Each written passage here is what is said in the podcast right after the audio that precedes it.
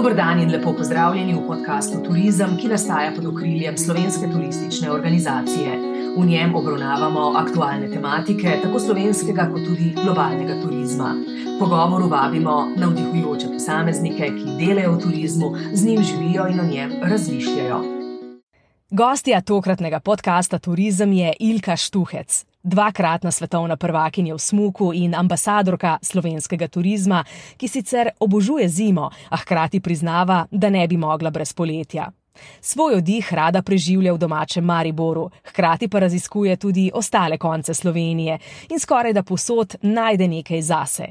Njene izlete lahko sledilci spremljajo na družbenih omrežjih.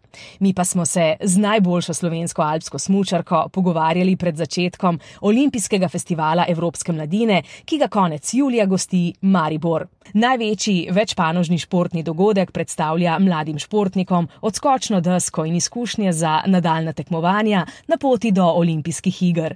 Ilka Štuhec je svoj uspeh pred 16 leti pokazala prav na Olimpijskem festivalu Evropske mladine, ko je osvojila kar dve zlati medalji. Ilka, dober dan in dobrodošla v podkastu Turizem.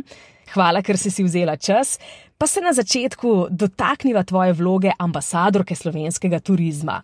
Zakaj si jo sprejela, kakšne so tvoje obveznosti in seveda, kaj te v tej vlogi najbolj izpolnjuje? Ja, mislim, da je bilo skoraj samoumevno, oziroma res uh, lepo na dlani, da v bistvu um, spremem to vlogo, ker že tako ali tako, um, ne samo jaz, tudi ostali športniki, slovenski smo v bistvu vrhunski športniki, pa tudi zelo, zelo dobri um, ambasadori naše države. Namreč ponesemo ime Slovenije daleč, daleč v svet, v sam svetovni vrh. Kako pa dojemaš svoje mesto? Kako meniš, da gostje, ki obiščejo Maribor, gledajo tvoje mesto? Vsako leto um, več ljudi pride pogledat tudi Maribor, ne samo tisto, ko ne vem, svetu rečeš, jaz sem pa Slovenija, ah, bled Ljubljana, ne?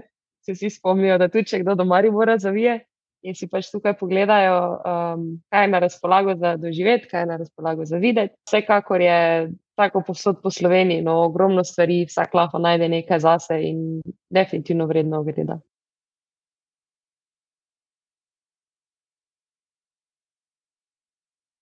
Ja, mogoče deset let nazaj še nisem bila tako pozorna na to, ker so me druge stvari.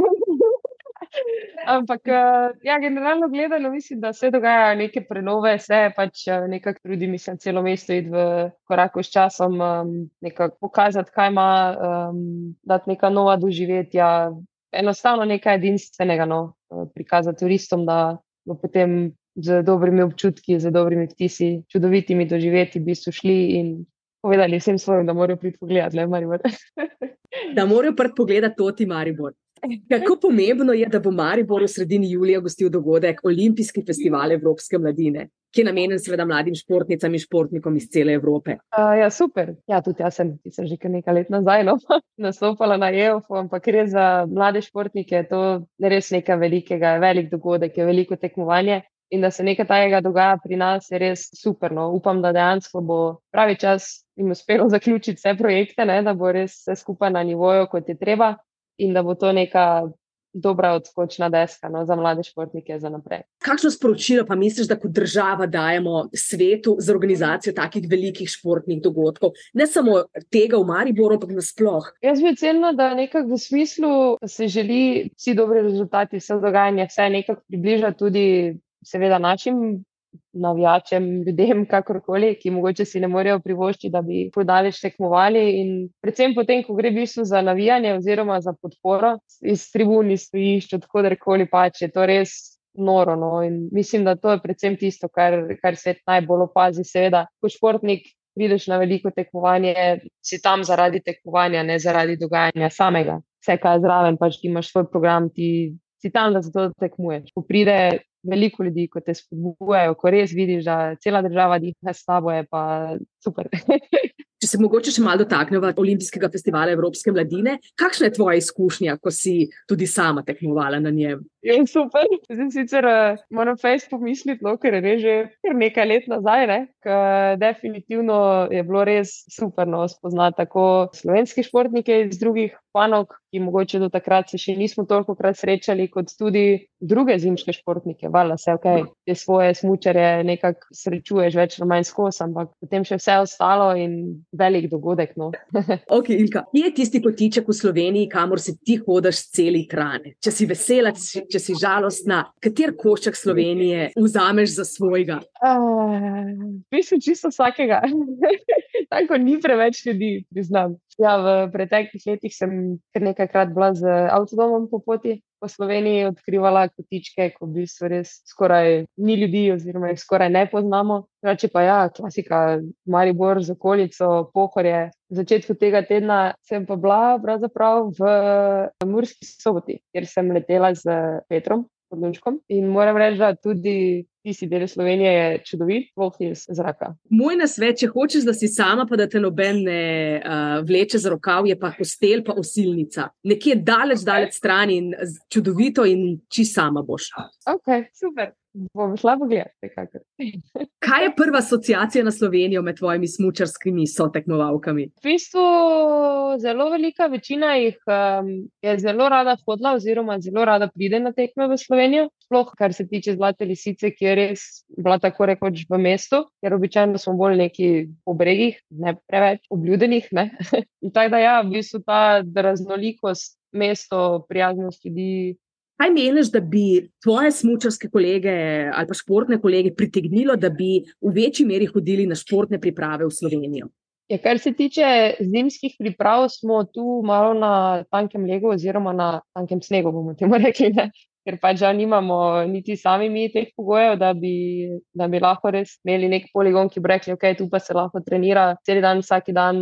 Če bi bolj igrala na drugo karto poletnih priprav ali pa nekaj takega, Je pa dejstvo, da skoraj celo leto vsi potujemo. Ne? Malo dvomim, da bi zdaj koga navukla, da bi zdaj res prišel sem na kakšne daljše priprave, ne glede na to, kak je lepo, pa kak je super, in mogoče bolj um, obisk, pa tako neformalno spoznavanje. No. Pa še te podnebne spremembe nam ne grejo na roko. Ne?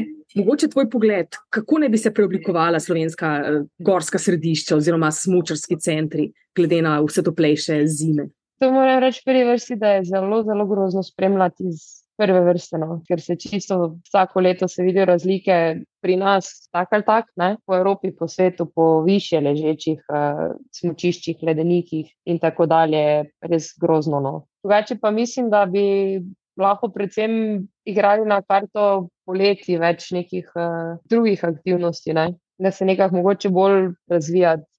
Poletni turizem, pa potem zimski, pač žal, ja, v ogromni meri odvisno od vremena, od snega takrat pa mislim, da se ne da bi gledal, kaj zdaj pa moramo tu zaslužiti, pa ne vem, kakšne pluse pa vse naredi, da bo sploh zadeva preživela, da dejansko bi mogoče preživeti bilo že omogočeno tekom poletja, recimo, ali pa tekom pač nekih drugih stvari. Je pa Slovenija idealna zaradi svoje raznolikosti, za v bistvu eh, raznovrstne treninge, od kolesarjenja do višinskih priprav, ne glede na vse toplejše zime. V bistvu, ja, to čisto vse, kot smo že tokrat omenili, in za turistiko, tako in za športnike, in za v bistvu vsakega se.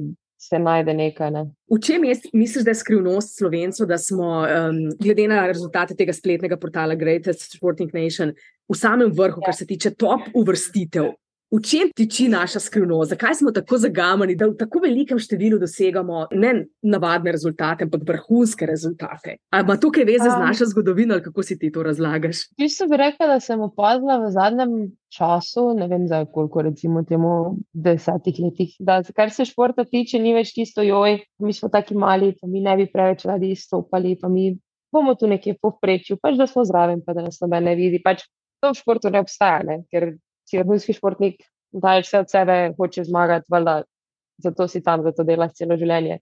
In nekako se mi zdi, da se ta miselnost počasi pleta tudi v turizem, v razvoj marsičesa. No? Da enostavno imamo nekaj za pokazati, borbamo, trajaš, delaš, ne glede na vse, pač, kaj se ti, kaj se ti vmes zgodi, dobro oziroma slabo. Dalje enostavno delaš, ker v to verjameš in imaš podporo. No. Kakšna pa misliš, da je vloga vrhunskega športa v turizmu? A meniš, da je ta potencial športa znotraj turizma dovolj izkoriščen? Vedno bolj, seveda, je logično, da se to nekako um, tudi ne zdaj samo z mano, tudi z ostalimi uh, športnimi ambasadori Slovenije to povezuje, um, želi pokazati pač motivacija, želja, strajnost, karkoli tudi potem na področju turizma, tako za športne aktivnosti, kot tudi za ostale, mogoče za, vem, za gostinsko ponudbo, za karkoli v bistvu se, se ljudje lotijo, da bodo počeli. V bistvu ste vrhunski športniki, kot ambasadori turizma, neke vrste obljuba, da tisti, ki pač bo prišel v Slovenijo, uh, da bo tudi doživel trajnost, zelenost, zdrav duh. Ne? Je ker, uh, mislim, je ker bi rekla, da na mestu, no, ker ja, sej za šport eni rabimo malo več pomoči narave, drugi mogoče rabijo malo manj. Ne. Še vedno v bistvu se najde čisto vse. Je res lahko neka pestra, čudovita izkušnja na no, obisk naše države. Če bi poslušala vse, ki govorijo, naj preneham, ne bi nikoli zmagala, si rekla v enem intervjuju.